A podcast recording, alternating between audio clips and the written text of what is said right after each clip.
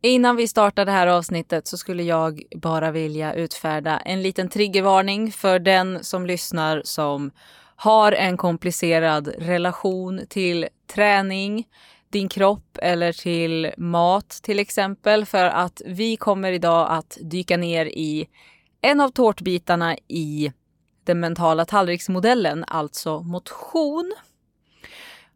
Så är du väldigt mottaglig för den typen av trigger så skulle jag rekommendera att du stänger av när våran jingel kommer och eh, väntar till nästa avsnitt.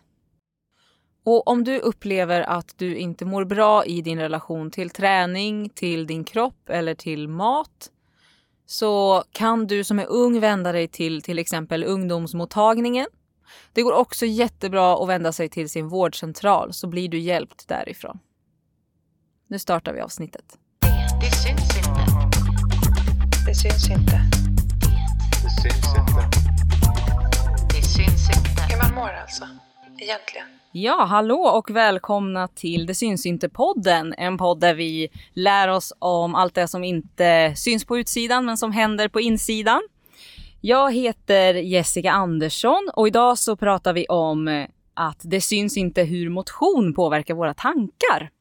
Och som vanligt så har jag ju ett proffs med mig på temat och idag har jag med mig en legitimerad läkare men också professor i arbetsfysiologi vid Karolinska institutet. Också medlem i styrgruppen för Generation Pep eller Generation Pep. Också författare och har skrivit lite olika böcker. Vi har alltså Carl-Johan Sundberg här, välkommen! Vad kul att ha dig här! Väldigt spännande att vara här. Ja, känner du att jag gjorde dig rättvisa med presentationen? Ja, det var inga, inga felaktigheter där. Nej, det Men det finns ju mer att säga också förstås. Men Ja. nu ska vi hålla oss till vad som inte syns. Men om du ville berätta någonting mer om dig själv, vad skulle du säga då? ja, förutom det du berättar att jag är forskare och läkare och så, så har jag ett vanligt liv. Mm. Och eh, har mina vänner, vår familj och, och eh, gör saker och ting som påverkar kanske mitt inre som inte syns. Ja, Mm. det är bra. Det gör ju allt vi gör egentligen. Ja, visst är det så. Men en Ja. del- en del syns ju också. Ja, visst, visst, visst. Vi brukar ju fråga, istället för att fråga hur är läget, så brukar vi fråga vad syns inte hos dig idag då? Så vad ligger och bubblar på insidan hos dig idag? Ja, just nu råkar det vara eh, deadlines för att skicka en kapitel till en lärobok i biologi. så att den skulle varit inne igår kväll, men jag kommer meddela förlaget att det kommer ikväll. Ah, ja, Så att det handlar om eh, manus. ja. Det brukar vara sånt som ligger längst Ja. bak i huvudet och, och påminner en. Precis. Ja, vad roligt. Själv är jag lite morgontrött fortfarande, fast klockan är ju Mm. inte, den är inte minus nu liksom. Nej, Men jag gick upp vid fem. Så Du gjorde det? Ja, så Hoppsan. det- det har hängt Alltid i. så. Nej, men just idag. Pendlarlivet. Just det. Ja, men om vi skulle prata lite om motion och rörelse och vad det betyder för oss och våra tankar och våra hjärnor. Mm. Ehm, ni har ju skrivit, du och Jessica Norrbom, eller hur? Mm. Har ju skrivit den här boken Stark hela livet. Mm. Som kom 2019, eller hur? Kom i årsskiftet så den har varit Ja. ute kanske nio månader nu. Ja, så den är ganska ny då. Ja. Ja. Och vad, hur är dagsläget idag med våran rörelse? Vad har liksom föranlett att ni skrivit den här boken? ja, man kan säga att det moderna livet, och det har ju pågått ett tag kan man säga, men det har ju accelererat något, har ju på något sätt bidragit till att minska eh, de kroppsliga rörelserna. Och det beror ju på att vi har mekaniserat en stor del av vår rörelse genom att andra maskiner för oss framåt. Det kan vara tåg, det kan vara bussar, det kan vara bilar, det kan vara elcyklar och så. Så att eh, mängden naturlig rörelse eh, vad gäller transport har ju minskat i genomsnitt ganska mycket. Och sen är det ju så att väldigt få arbeten idag i ett land som Sverige är ju fysiska till sin art. Färre åtminstone än, än förr när man hade både jordbruk och industri och Mm. olika typer av kroppsarbeten. Så det betyder att, att eh, det, den grad av rörelse som vår kropp är konstruerad för, åtminstone utvecklad eh, under, så att säga, det, den är ju väldigt mycket mindre idag Mm. än vad den var under evolutionen när vi blev vad vi blev. Mm. Kan man säga att vi, är, att vi är egentligen byggda för att röra oss mer än vi gör idag? Jag skulle nog säga det. Ja. Att eh, det finns ju djur som kan vara väldigt inaktiva och inte lider av det. Så det finns ju många av våra så att säga primatsläktingar, alltså andra apor som kan vara väldigt inaktiva. Men också om man tar eh, björnar kan ju lägga i det en hel vinter och så utan att ta någon medicinsk skada kan man säga. Men människan tycks vara ovanligt beroende av aktivitet för att bibehålla både funktion och hälsa på olika plan. Och dessutom eh, tycks vår hjärna eh, både förstås styra att vi rör oss, för det gör ju hjärnan, men också vara beroende av rörelse på något sätt för stimulans, underhåll, välmåga, balans och så. Så vad är- det händer, alltså vår hjärna ändras alltså beroende på om vi rör oss eller inte. Eller hur funkar det? Jo, den ändrar inte så att säga storlek och, och form direkt sådär omedelbart. För det, det, det, den är ju rätt permanent. Däremot finns det mycket som händer i denna gråa klump som innehåller 86 miljarder nervceller. Det är många. Mm, verkligen. Det är väldigt många. Och eh, så att dels ändras då sammankopplingarna mellan nervceller i olika delar av hjärnan. Dels tycks eh, funktion och aktivitet på vissa specifika platser eh, särskilt ändras. Och ett sånt som ofta är omtalat, det finns fler, är hippocampus som på svenska betyder sjöhästen. Som är ett område som utgör ungefär 1% av hjärnans volym. Som tycks vara särskilt aktivt vid rörelse. Både framförallt kanske man kan säga eh, för spatialt minne, alltså för att vår förmåga, rumsliga uppfattning och minnesförmåga så att vi hittar, nu sitter vi här mitt på Söder så att om man skulle, eh, skulle vara kolsvart här ute så skulle du förmodligen som är här ibland hitta ganska bra och jag skulle hitta halvbra för jag har ju också varit här en del.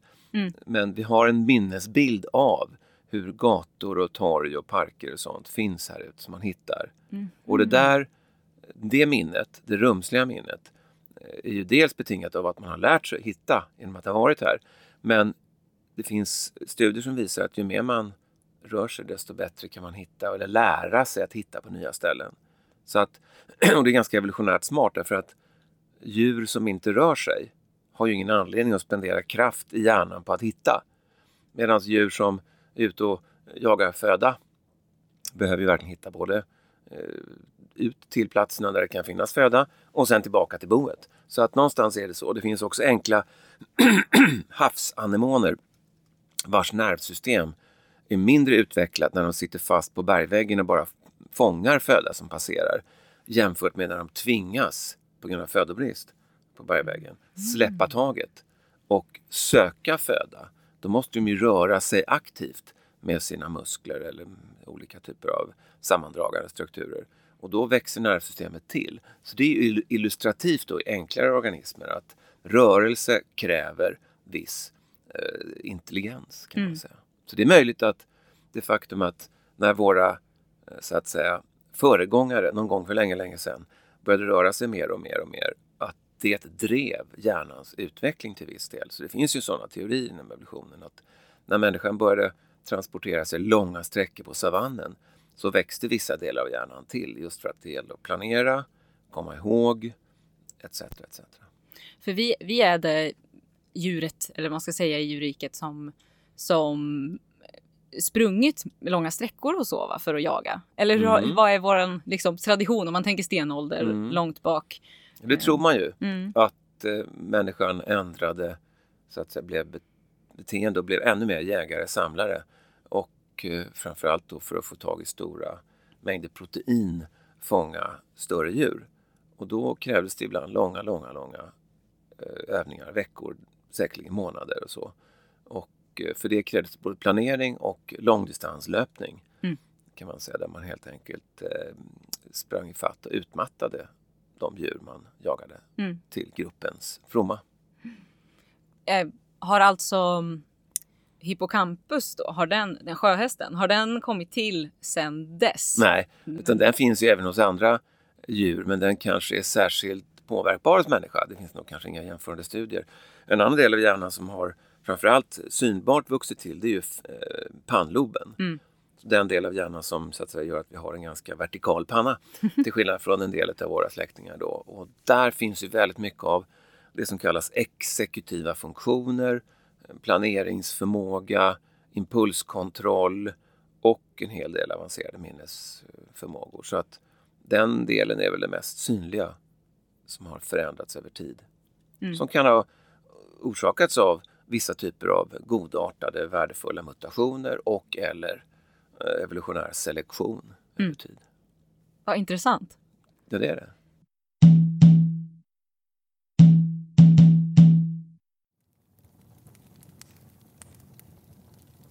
Halloj! Men oj vad fint ni har det i nya grottan. Och bra eko också. Ja, tack. Ja, vi, vi letade länge och sen, sen blev familjen innan här uppätna och en möjlighet uppenbarade sig liksom. Lägg av, vilket fynd! Och hur är det med ungarna då? Nej men det är helt hopplöst. Jag försöker få den här att släppa paddan, men hon vägrar. Sluta spring runt med middagsmaten! Det blir ju inte bättre med de här nya rekommendationerna heller. Hur ska man lyckas få till 60 minuters fysisk aktivitet per dag? Jag vet! Vem kommer ner i sådana siffror? Vi skulle behöva vara stillasittande nästan hela ljuset. Vi går ju inte upp klockan sol bara för att göra ingenting. Men du, jag höll på att glömma. Jag tog med mig lite nytappat svinblod. Visst dricker du rött fortfarande? Åh, allt för sällan nu för tiden. Åh, mm. Var fick du det här ifrån? Nej men det var den här killen du vet som jag har träffat ett tag nu. Men ehm, ja, det är slut nu. Ah, en eh, jägare. Japp, han är död. ja men du känner ju mig, jag faller ju alltid för såna här machosnubbar som ska hävda sig och så blir det ju aldrig så långvarigt. Jag vet att pulshöjande aktiviteter ska vara bra för en, men jag känner att jag bara vill komma bort från det nu. De vill bara springa runt med ett spjut hela tiden och hålla på och testa gränser och uh, Hur nära mammuten vågar du gå? Uh, ta den på beten! Det är så tröttsamt. Och så här håller de på, hela tiden. Ja, fast inte alla män. Det finns ju män som är samlare också. Som min eh, Stig till exempel. Ja, men jag avundas dig. Jag ser framför mig hur ni tar timslånga skogspromenader tillsammans och lyssnar på rovfågelkvitter och matar varandra med bär. Så återhämtande! Och tänk att du kan få bli gammal med någon. För vissa samlare lever ju ända till typ 24 liksom. Mm, mm, ja, det kan man ju tycka. Men vi äter i princip bara veganskt. Vet du vad jag fick göra häromdagen? Jag fick amma mig själv bara för att få i mig lite protein. Så kommer de dragandes med de här jävla rekommendationerna för att förebygga förtida död. Nej men visst, det är ju, det är ju kul. Verkligen. Oh, okej. Du, är det lugnt om jag lånar busken eller? Ja, ja absolut. Eh, det är ut här och sen följer du stanken bara.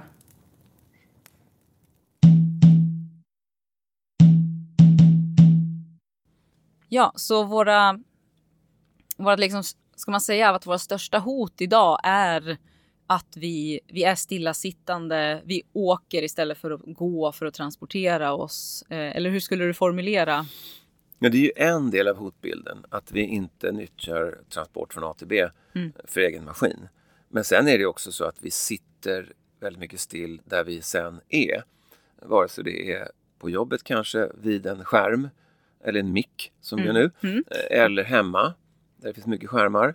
Så att någonstans är det inte bara transport utan också att de här mikroaktiviteterna i vardagen i övrigt eh, på hem och jobb har ju minskat dessutom. Så folk kan ju vara blickstilla under en stor del av dygnet. Mm, flera timmar åt gången. Ja, absolut. Och, så det, det, det är flera saker. Plus att det här um, skärmarbetet eller vad man ska kalla det, det gör också att man blir, eh, tror jag, mentalt eh, påverkad som kanske inte alltid är helt gagneligt. Nej, såklart. Finns det en gräns för hur länge vi kan sitta stilla innan det blir problematiskt för oss? Hur länge kan vi sitta åt gången och vara helt stilla innan? Det är en bra fråga. Ja. Vilken nivå tänker du att problemen uppstår? Är det blodsockerkontroll eller är det hjärnans välmåga? Så det är lite två olika saker så att säga och det finns fler än så. Mm. Så det är nog väldigt svårt att säga att det är eh, en timme och tolv och en halv minut. Mm. Så kan man inte säga utan det är ju alltid en dosfråga. Mm. Och sen beror det på hur pass eh, motståndskraftig, resilient man är mot det där. Och det beror på vad du gör de övriga timmarna. Har du sovit bra? äter bra, känner dig socialt eh, psykologiskt tillfredsställd genom din livssituation kanske. Och eh, sen om du har rört dig fysiskt så kommer du kunna sänka din fysiologiska stressnivå. Så det är många parametrar. Det är balans i frågorna här. Alltså, det går inte att hitta eh, att en sak skulle vara livsfarlig om den görs på ett visst sätt. Det är avhängigt allt annat som du så att säga har i din eh, samlade skyddsarsenal.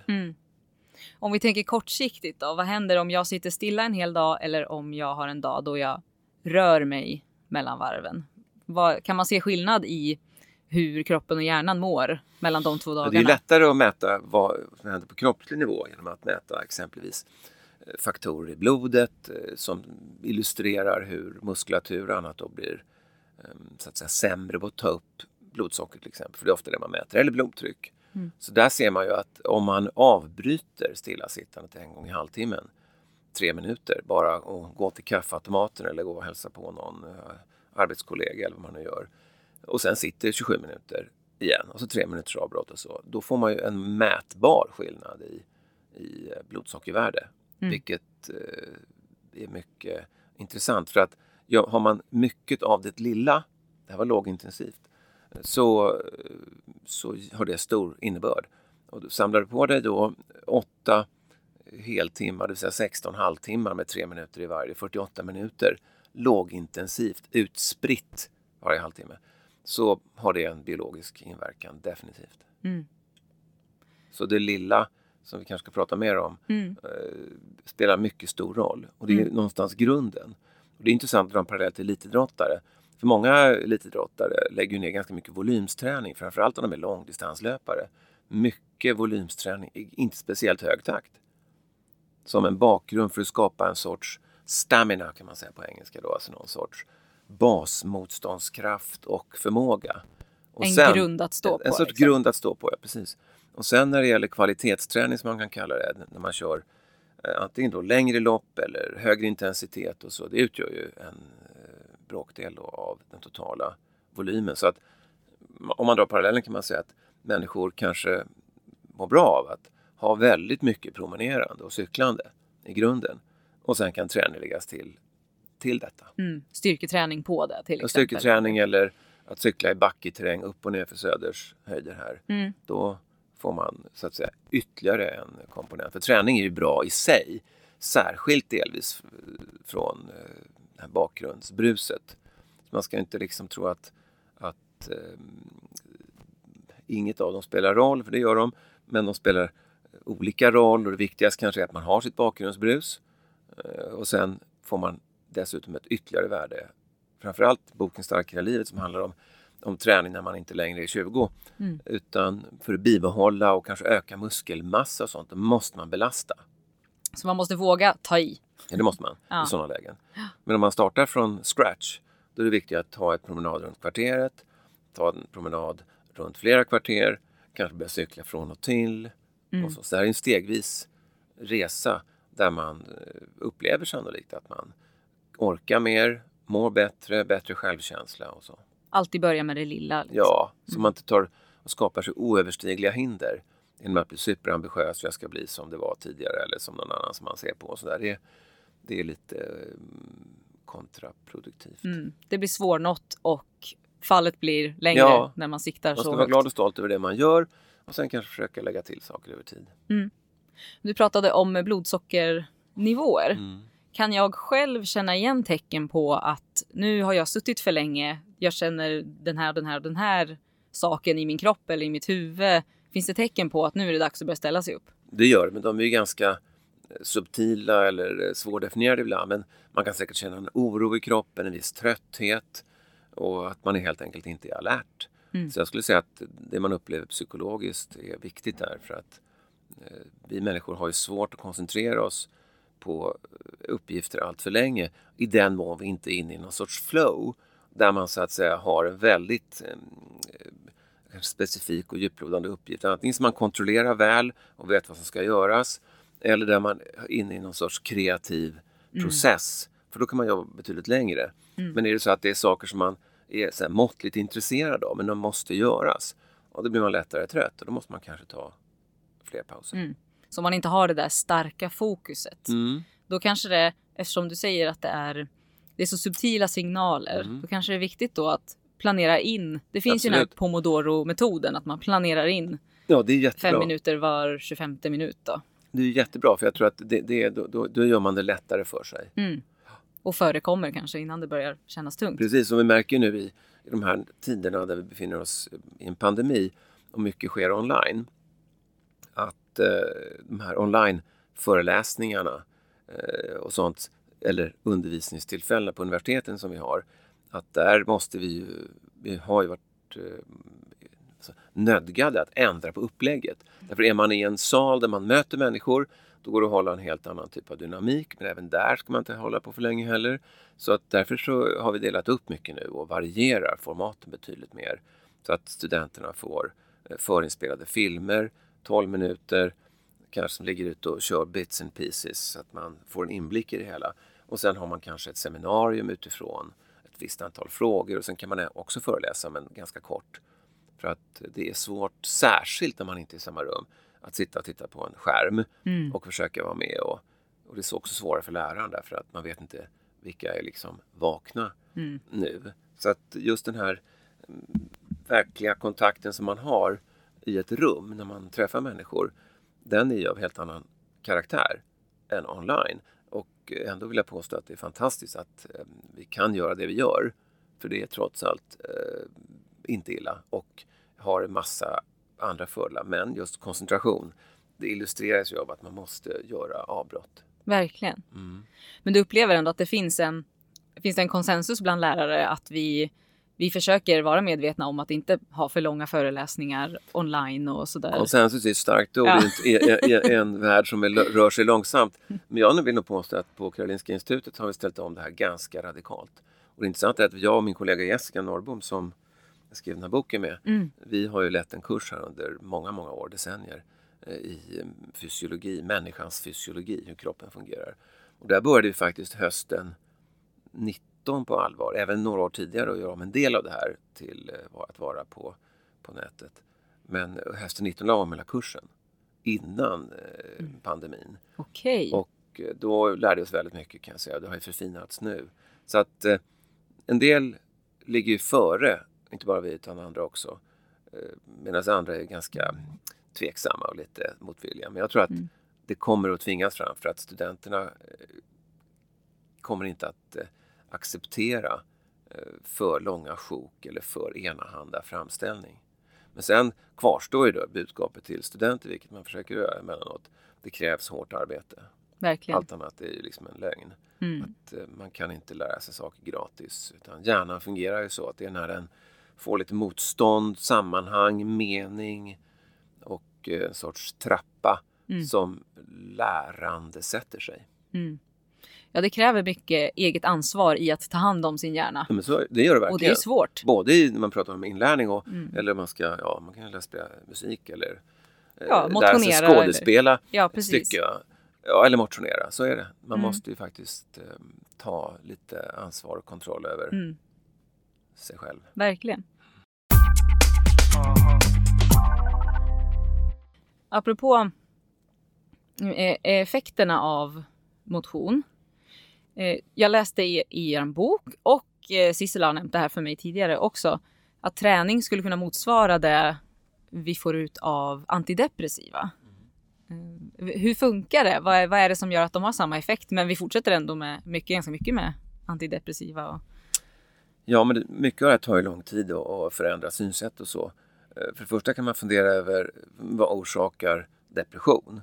Och, och det är ju säkert många faktorer förstås. En kombination av, av eh, livet man lever, vi lever idag, människors sociala relationer, eh, biologi, det vill säga att vi kanske har olika eh, ärftlig benägenhet att få påverkan i de system i hjärnan som frisätter olika signalsubstanser med mera som tycks vara viktiga för stämningsläget.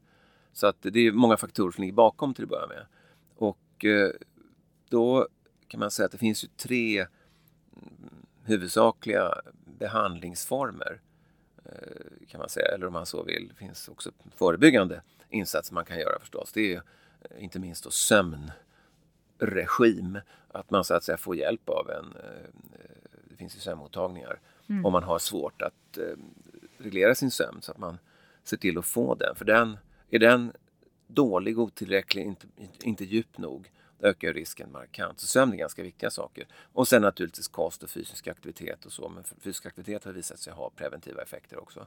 Sen när det kommer till behandling, då, då är det tre huvudsakliga metoder som man använder sig av. Och I sjukvården kanske har varit lite väl så att säga, enkelt att börja med antidepressiva. Eh, och sen finns det kognitiv beteendeterapi som kan vara eh, live eller internetpsykiatri och så. Och sen finns det då fysisk aktivitet. Och man kan säga att de här tre eh, formerna av behandling visar sig på gruppnivå ungefär ha samma effekter. Det är till och med möjligt att fysisk aktivitet kan ha större effekter. Men i stort sett säger man att det är ingen skillnad. Och sen är det väl sannolikt så att, att eh, kombinerar man två av de här så kan det vara mer gagneligt för eh, olika människor. Det kan ju vara så att det är antidepressiva och KBT som är bäst för någon och det är fysisk aktivitet endast för andra eller tillsammans med eh, ja, någon, någon av de andra två. Så, så att, vad som händer då i alla fall det är att, att eh, man påverkar sannolikt eh, olika typer av signalsubstanser, transmittorsystem eh, med alla de här behandlingarna kan man säga. Och nu är inte hjärnan så enkel så att det bara är sådana här transmittorsystem som styr allting. Men den modellen fungerar ju väl. och då kan man säga att man, man vet från olika studier och försök att man påverkar det också med träning. Så att träning tycks ha väldigt vittomfattande effekter som går bortom det faktum att hjärnan ju används när man är fysiskt aktiv, vare sig man promenerar eller är på ett gym och cyklar eller gör, kör styrketräning. För det behövs ju aktivitet i hjärnan, inte minst då i den del av barken som kallas motorbarken, från det område därifrån musklerna styrs. Men dessutom så Eh, aktiveras ju också olika sensoriska områden, alltså de som känner av vad som händer. Både synbarken här bak i, i nackloben aktiveras markant så fort man rör sig. Och det är en sorts evolutionär igångsättning. För att om man rör sig, då är det bäst att ha aktivitet i synbarken. För då gäller det att inte trampa snett eller veta vad som händer i omgivningen och så. Dessutom aktiveras då känselbarken som ligger bakom den här motorbarken på hjärnans ovansida. Där vi känner både det som händer i huden, i fötterna, i lederna.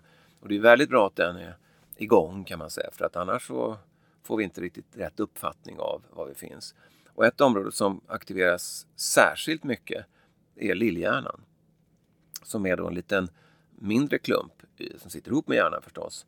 Men den är bara 10% av storhjärnans volym. Men innehåller mer än hälften av alla hjärnceller. Det är en liten doldis. Och den är väldigt aktiv vid rörelser.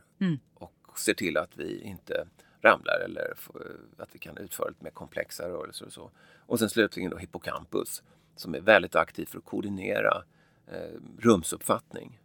Bland annat. Men intressanta med hippocampus är ju att det är ju ett område som utgör 1% som jag sa.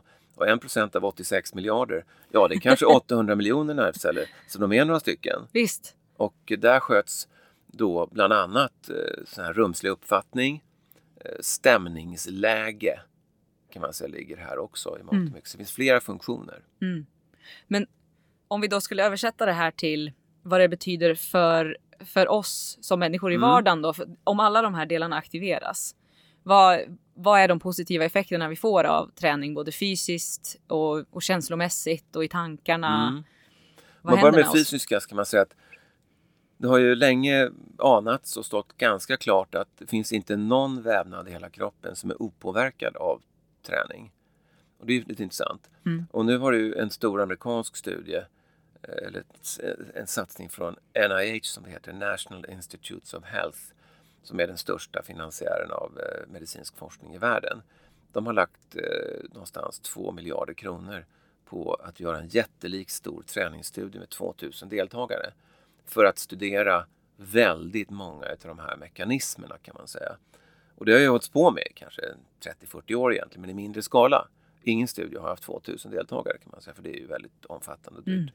Som inledning på den så har man tittat på vad som händer i djur, i råttor. Och då ser man att av alla studerade vävnader så händer det någonting. Och det kvittar om det är bindväven i senorna, eh, förstås muskulaturen, hjärtat, mag-tarmkanalen, hormonsystemet, huden, hjärnan. Så alla vävnader händer grejer. Och där, därför att träning, om man springer på en eh, rullmatta eller ute i skogen eller så, man eh, påverkar ju allting genom att A. Man eh, får en högre kroppstemperatur. Liksom så att säga. B. Det frisätts en massa hormoner som kommer från våra hormonproducerande körtlar. Och, och liksom C. Immunsystemet aktiveras. Det här är bara tre exempel. Mm. Och det här får ju systemeffekter i kroppen på något sätt. Så att, eh, bland annat då för att illustrera det här med att allt tycks påverkas. Det var en studie för några få år sedan som tittade på huden. Och då jämförde man, eller undersökte vad som hände med tre månaders träning hos 60 och 80-åringar. Och då tog man hudbiopsier, alltså provbitar från huden, på, från skinkan. Därför att solbelyst hud är liksom förstörd. Ah, va? Och det, det är inte så många områden som inte är solbelysta genom livet. Och då tog man en provbit före träning och en efter träning. Sen lät man då eh, mikroskopister, alltså experter på hudsnitt, titta på de här och åldersbestämma de här. Och då gjorde man det blindat i bemärkelsen att man visste inte vilken som var före och efter. Och med, med den här då enstaka studien, men det, är- det är början på någonting, så visar man att, eh, eller så fann man att huden som togs efter tre månaders träning hos de här 60-80-åringarna tedde sig utifrån markörerna någonstans mellan 5 och 10 år yngre. Så att vad, vad man ser där, det är kanske inte att det stämmer att den blir 5-10 år yngre, men att det händer saker som går i en yngre riktning, även i, i något så som man tänker sig, eh, inte ointressant, men oväntat eh, vävnad som huden. Mm. Så att, Verkligen. så att det var bara för att illustrera att det händer något överallt. Och eh, saker som händer då det är att man får starkare senor, musklerna orkar mer, de kanske blir större om man styrketränar. Man får körtlar som producerar stresshormoner att kunna producera mer stresshormon om man, vill, om man behöver. Men det intressanta är att stresshormonkoncentrationen är lägre Okej. hos en tränad person i vila. Mm. Eller om man tänker sig två tvillingar, enäggstvillingar, som ska börja träna inför vinterns skidåkning, säger vi här nu i september. Och eh, så börjar de träna åtminstone en gång och springer bredvid varann i, parken eller skogen eller någonting. Då har de samma stresspåslag och samma adrenalin och kortisolkoncentration när de springer lite jobbigt uppför backar och så. För de är lika otränade. Sen råkar det vara så att den ena tvillingen inte tränar.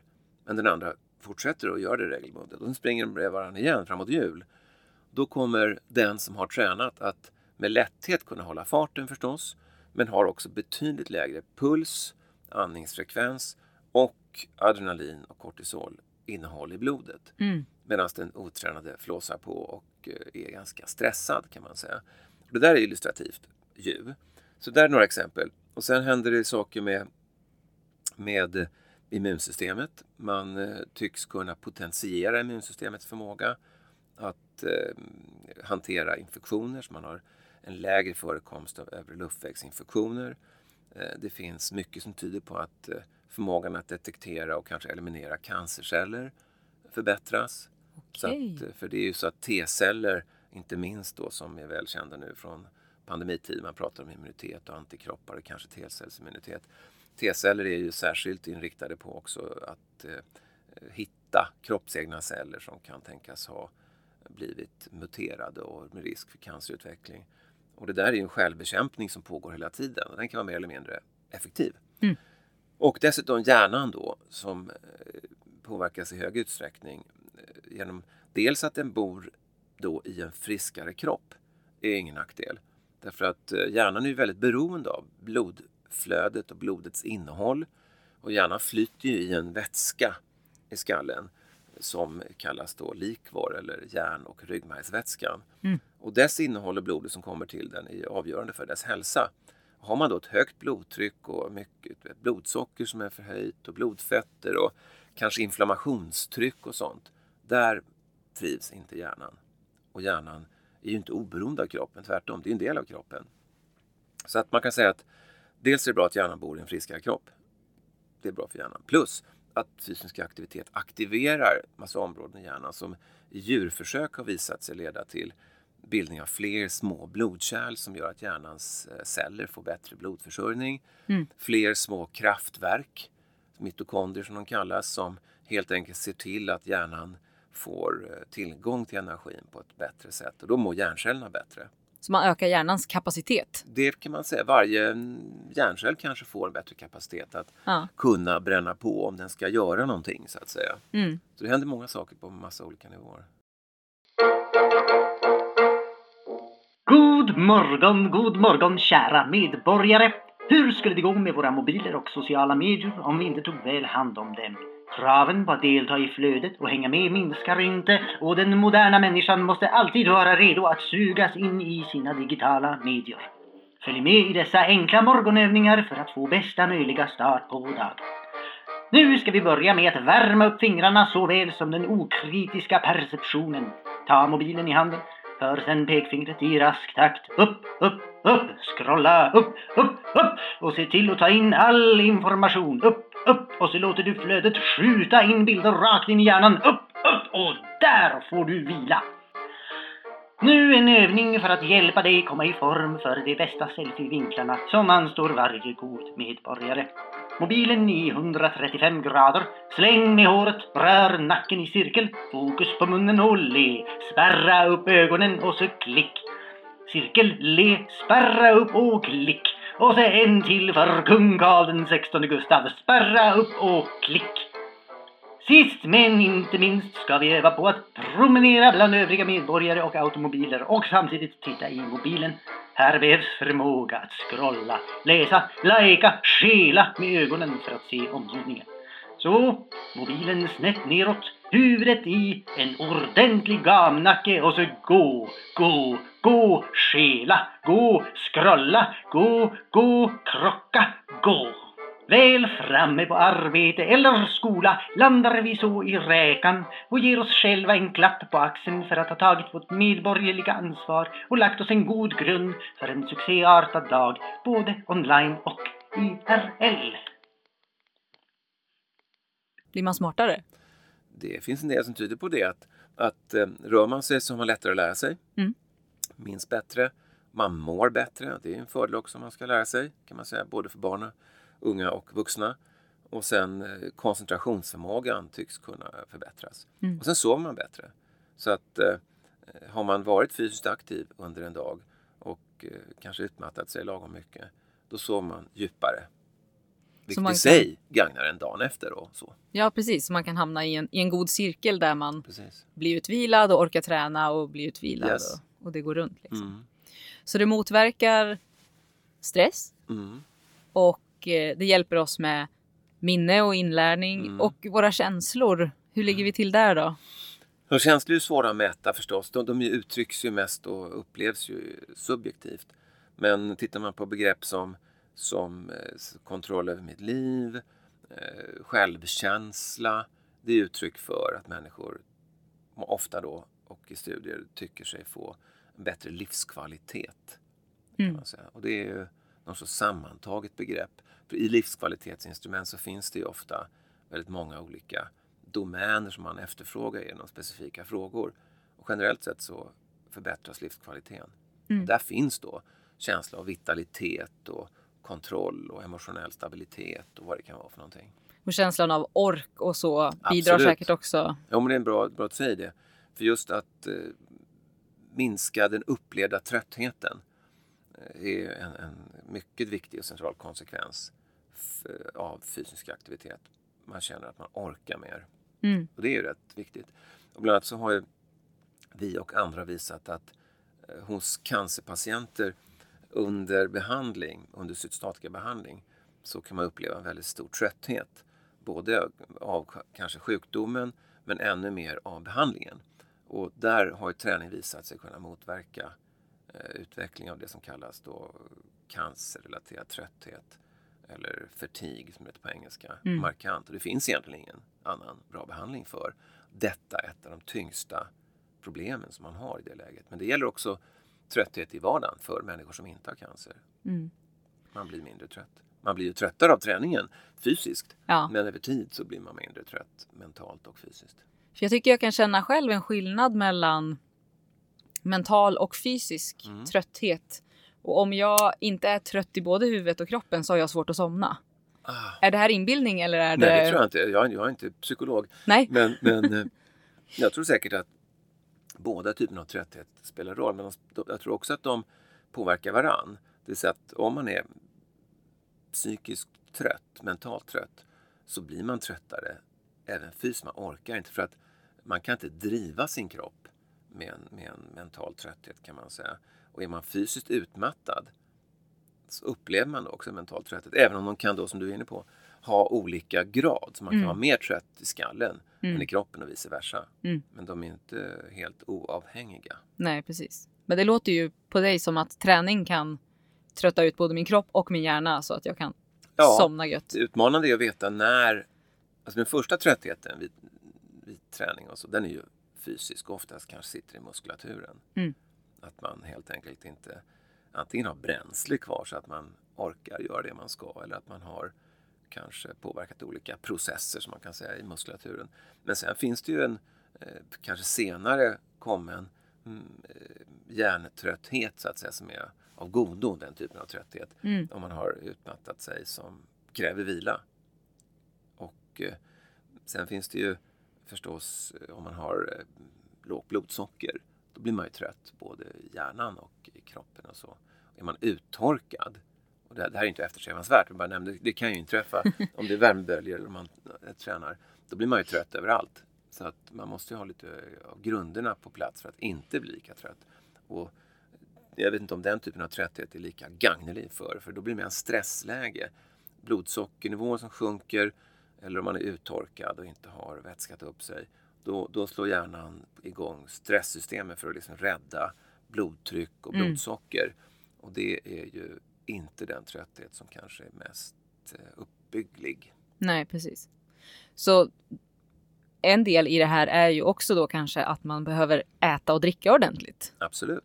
För att orka Ja, hantera sin trötthet och träna Mm. och liksom komma in i det här gunget med, Nej, med rutiner. Och, och då gäller det att inte blanda ihop massa kort på en gång. För en del människor hamnar i något läge där de kanske vill påverka sin vikt som grundelement. Och jag tror så här att det viktigaste är att man är fysiskt aktiv oavsett vad vågen säger. Mm. Därför att det skapar hälsa och kraft kan man säga. Verkligen. Sen när man är i ett läge där man är frisk och lite starkare, då kan man ju fundera över om man tycker att man ska ändra sin kost, eh, så att hållning och annat eh, för att kanske nå en, en vikt som man tycker är mer hälsosam. Men undervikt är definitivt ingenting hälsobringande utan det är, man ska vara glad över den vikt man har, framförallt röra sig så att man i denna kropp mår bättre. Mm. Hitta ett fokus på hur jag känner mig och hur jag mår och inte hur jag ser ut och Absolut. vad jag väger. Mm. Sätt agendan själv. Mm. Vi, vi är ju inne i en, jag vill inte säga dålig trend, men eh, vi ligger ju inte superbra till just nu med träning. Och vi, vi Menar du under pandemin eller denna, detta decennium? Jag tänker under detta decennium överlag. Vi gör ju också lite undersökningar med Det syns inte när vi är ute i skolor och så. Mm. Eh, och då har vi en enkät där nästan tusen eh, elever har svarat att eh, 14 procent av dem får till 50 minuters träning dagligen. Är det, är det väldigt få eller är det, är det så det alltid har varit? Nej, det är nog inte så det alltid har varit därför att när, när du säger träning, Mm. vad menas med det? det Att man eh, tränas tills man eh, svettas. Rör Ja, sig så att man svettas. Mm. Ja, nej men jag tror att backar du 50 eller 100 år, då var det så mycket svett i vardagen att ta sig till och från skolan som kanske var avlägsen för en- många. Eller att det latchades och lektes mer i olika åldrar Mm. av fysisk art, för det fanns inga skärmar som gjorde att man blev still. Mm. Så att det är ju svårt att veta, men tittar man på prestationsmåtten, om man mäter muskelstyrka eller kondition som någon sorts utfallsmått på hur mycket eller lite ungdomar, eller vuxna för den delen, men ungdomar tränar, så är det ingen tvekan om att det har blivit försämringar Mm. relativt sett. Så jämför man med 60 eller 80-talen och nu så är ju både muskelstyrka och inte minst kondition sämre. Mm. Så därför tror jag att, ja. Men sen är det så att idrottsrörelsen engagerar väldigt många upp till en viss ålder. Tyvärr är denna ålder rätt låg för Mm. många. Där eh, av olika skäl barn och ungdomar väljer att sluta eller väljs bort. Så att det, där har idrottsrörelsen en del att leva upp till för att vara idrottsrörelsen för alla och att se till att ha breddperspektivet som ju i sig är den smartaste talangjaktsmekanismen av alla om man nu siktar på att också få elitidrottare av rang. Mm. Så, och då kan man säga att att selektera och välja in och bort bland 10 och 13-åringar det är bland det mest misslyckade metod man kan finna. Mm. Därför att det är otroligt dålig prognos, så att säga, pre- prediktionsvärde Mm. på att se någon prestera när de är 10 eller 13 relativt hur det går i vuxen ålder kan man säga. Så det är ju inte bara dåligt som selektionsinstrument, Nej. det är dessutom på något sätt deletärt för breddidrotten och eh, medverkan och eh, att öppna dörren för alla. Mm. Så att, vilket ju är det kanske allvarligaste förstås. För elitidrotten är ju inte eh, så att säga, nödvändig för folkhälsan. Nej, precis. Nej. Så att någonstans så, så finns det mycket att göra, både i idrottsrörelsen, men det räcker ju inte. Utan även vardagens utseende. Så att man kan inte bara peka på skolan och idrottsrörelsen från föräldrar, vilket är inte helt ovanligt. Och, och, eh, utan föräldrar, familjer, sammanhang har ju en enormt stor betydelse. När rör sig barn och unga minst? Är det under skoldagarna? Nej, det är på helgerna. Mm.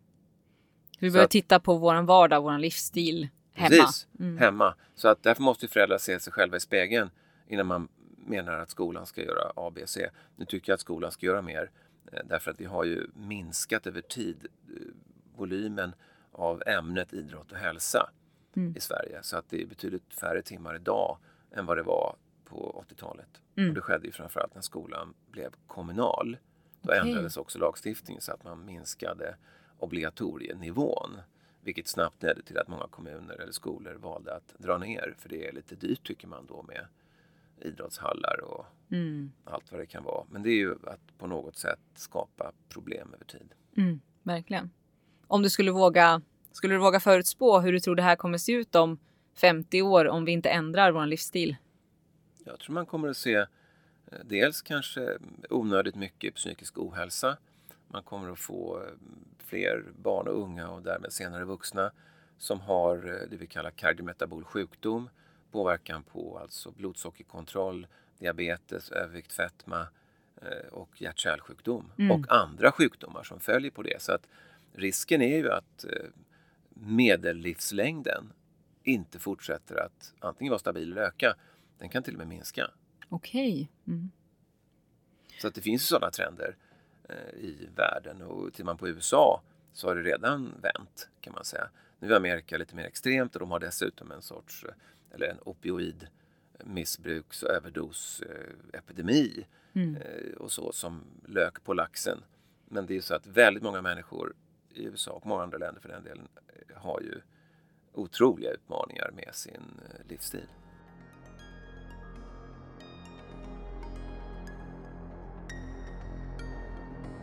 In a not so distant past, years before uploading our minds onto the AI cloud, mankind was still a moving species walking around on the face of the formerly habitable planet known as Earth.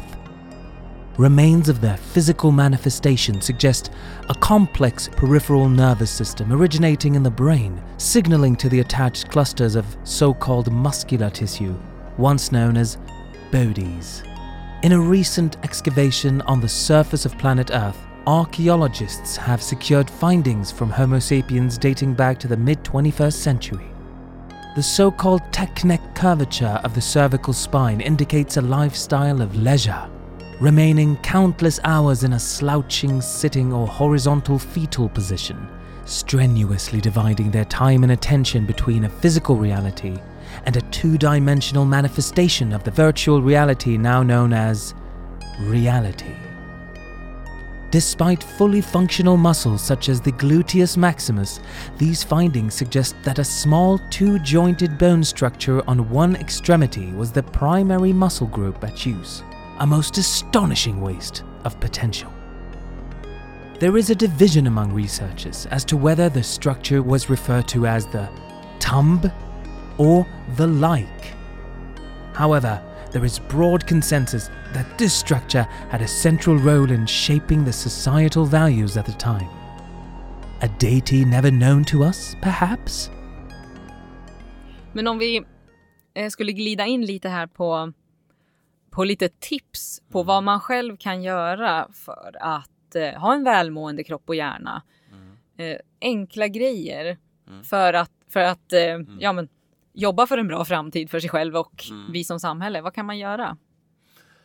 Ja, dels försöka göra saker tillsammans med dem man vill. Det kan ju vara med, med kompisar eller med eh, i familjen eller i någon förening eller vad det nu är. Att, att göra saker.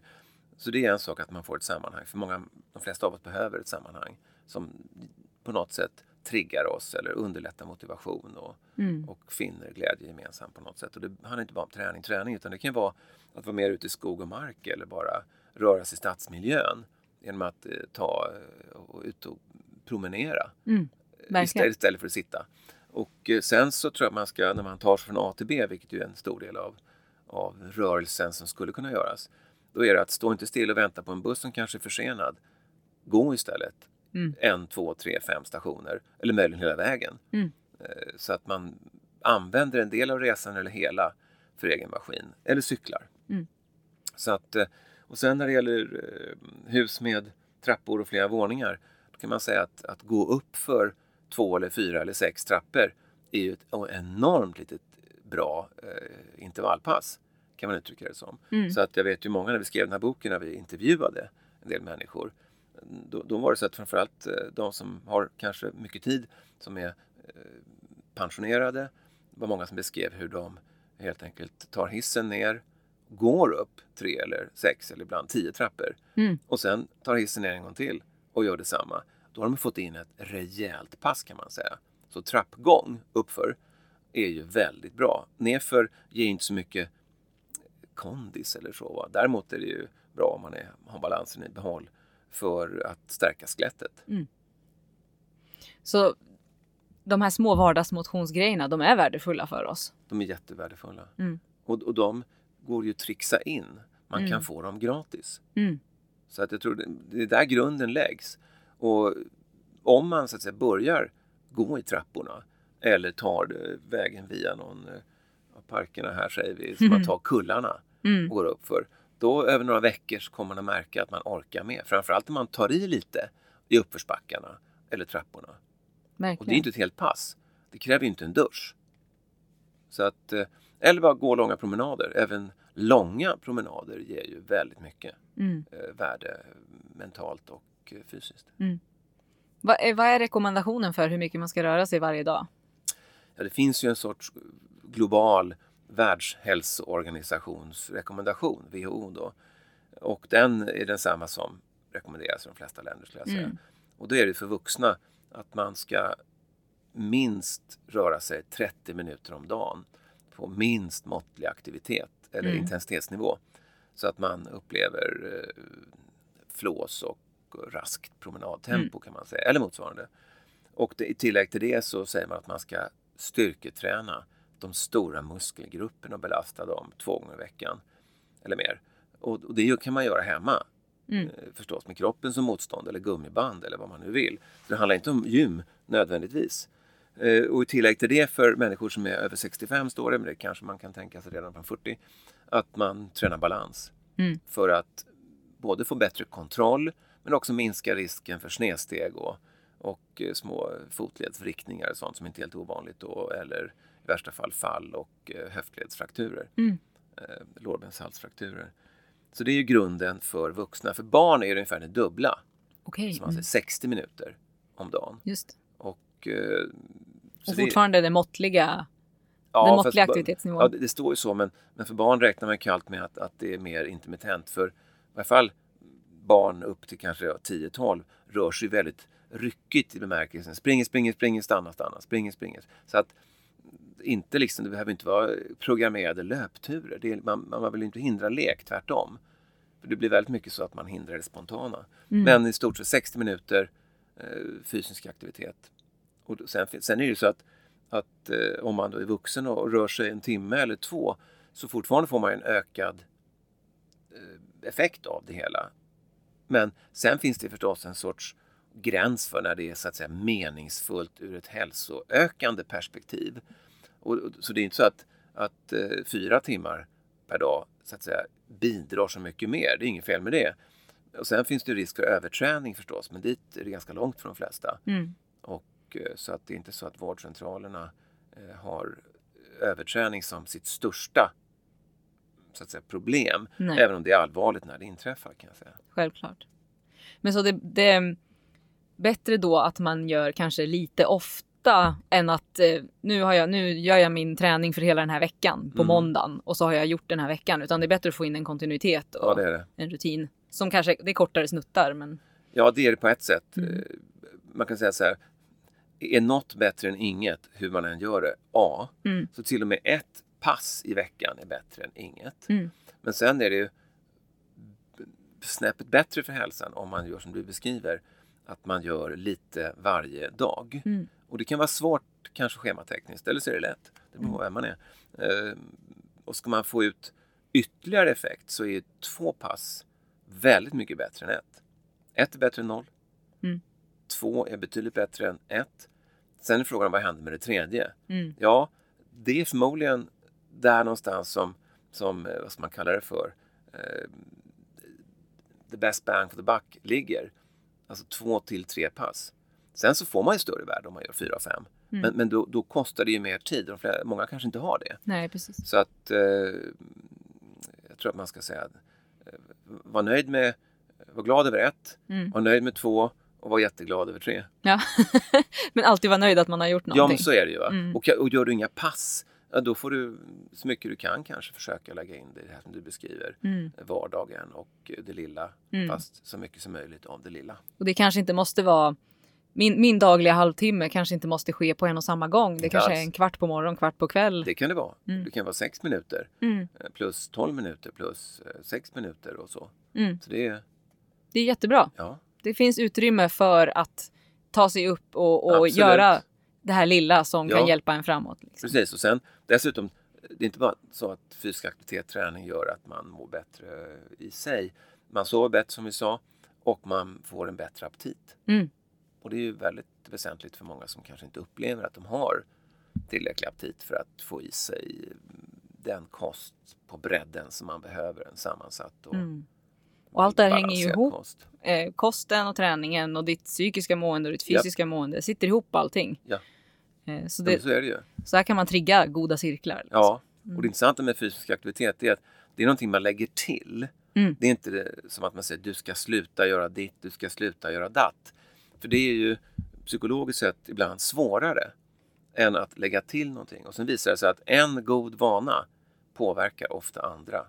Mm. Och då är kanske fysisk aktivitet särskilt intressant därför att det, det triggar tankar och eh, benägenhet att göra andra saker. Ja, och vi måste ju slå ett slag för eran bok. Eh, och vi måste ju berätta också att Jessica Norrbom är alltså medicinedoktor i fysiologi och forskare inom molekylär arbetsfysiologi. Och ni två har ju skrivit den här Stark hela livet tillsammans. Mm. Och här finns det ju många fler tips. Mm. Det finns eh, träningsupplägg man kan följa om man vill liksom gå in lite i träning vartefter. Och ni går ju också in i varje del av de positiva effekterna träning Mm. har, både på det fysiska, mentala och sömnen och så vidare. Så jag vill verkligen rekommendera den här boken till alla som lyssnar. För här finns det mycket, mycket matnyttigt och värdefullt att, att läsa om. Jag tyckte väldigt mycket om att läsa den. Vad roligt. Ja. Och en sak som vi talar om lite grann, det är immunsystemet. Just det. Och det har blivit ganska aktuellt nu i eh, den här coronapandemin. Mm. Och då är det väl så att det är, det är inte osannolikt ska jag säga att man klarar av en infektion, inklusive kanske en covid-19 infektion, bättre om man är i gott skick. Mm. Det är ganska logiskt. Det finns dock inga ännu, det kommer säkert under kommande halvåret skulle jag tro, prospektiva studier där man alltså från början har satt in insatser för att se huruvida man klarar av en infektion som dyker upp bättre. Men det är mycket som tyder på att det skulle kunna vara så. Mm. Och eh, det finns eh, mekanismer, både hur man stärker immunförsvaret i sig, men kanske också producerar ämnen som skulle kunna dämpa infektioner. Huruvida smittrisken påverkas eller inte, att man smittas, det vet vi ingenting om. Nej. Men det här med eh, det vi kallar resiliens vid en kommande kroppslig stress, Mm. typ en operation. För en operation är en planerad, kan vara en planerad fysisk stress där man ska genomgå ett ingrepp. Och då vet man, är man stark inför operation, Mm. om man tränar bara x antal veckor innan, då, då blir det bättre utfall mindre komplikationer, bättre läkning, mindre risk för olika typer av påverkan på hjärtat och så. Mm. Och då är det inte osannolikt att, att vara i gott skick inför en oväntad infektion Mm. är av värde. Så att det fick vi inte med här för att pandemin var okänd när boken skrevs. Ja, Men skulle vi uppdatera den så skulle vi lägga till ett avsnitt om det. Ja. Ja, ja det, det finns ju eh, summa summarum inte så många negativa effekter av, eh, av att röra på sig. Nej, i Nej. måttlig till dubbla måttliga Ja, volymen och intensiteten. Exakt. exakt. Då har jag två frågor till dig innan vi Mm. rundar av. Första är, har du någon favoritträningsform eller rörelseform? Ja, det där är en bra fråga. Alltså den som är favorit, är den enklaste. Det är ju det är ju att springa. Ja, det är så. Jo, men det är det. Ja. För att den, den är dagar på, ut, Mm. spring. Och då kan man springa i 10 minuter eller en timme. Så det är på något sätt favorit just därför att det är så, har så låg tröskel. Mm. Men eh, är det så att man inte vill det för att man kan, kanske inte vill eh, duscha, ja då är en promenad Mm. eh, lika så att säga favoritig. Mm. Kan jag säga. Så det tycker jag. Sen när det gäller lust, ja då finns det många bollsporter som är kul också. Liksom. Men på vilket kriterium du sätter på favorit. För det finns ju olika, Ja, olika sammanhang. Så är vi i fjällen där vi brukar vara på vintrarna så ja, då är skidåkning förstås Ja, favorit. För då är det såklart. ännu mer eh, alltså löpning är väldigt eh, helhetspåverkande men att, att fräsa fram i spår och använda hela kroppen, armar och ben och, och sinnen, det är också eh, fantastiskt. Mm. Mm. Det är så viktigt att det är lustfyllt Ja, men det är det också. Fast man ska komma ihåg, som en av mina kollegor, Jessicas eh, kollega också, eh, brukar säga, eh, och Jessica brukar säga så själv, träning är för viktigt för att det ska behöva vara roligt. Mm. Förstår du? Men det är ju väldigt bra om det är roligt. Ja, Men precis. om det inte känns så en viss dag så är det så att gör det ändå. Mm. Mm. Min andra fråga var om du har ett sista medskick till våra lyssnare. Vad tycker du är viktigast att ta med sig? Ja, att eh, det är på något sätt fascinerande hur rörelse triggar så många goda saker. Så att försök att få in lite mer rörelse Mm. i din vardag. Det kommer du och dina eh, vänner och anhöriga alla glädjas åt kan man säga. Mm. Och det behöver inte vara överambitiöst. Bara lite mer än igår. Bra sagt. Det gillar vi. Ja. Ja, men då tackar vi för idag och jag slår ytterligare ett slag för Stark hela livet, en fantastisk bok som jag tycker att alla ska läsa. Och tack till dig Carl-Johan som kommit hit idag och velat prata om motion med mig. Tack, det var roligt. Ja, då säger vi hej då allihopa. Hej då! Hej då! Det syns inte. Det syns inte. Det syns inte. Det syns inte. Hur man mår alltså. Egentligen.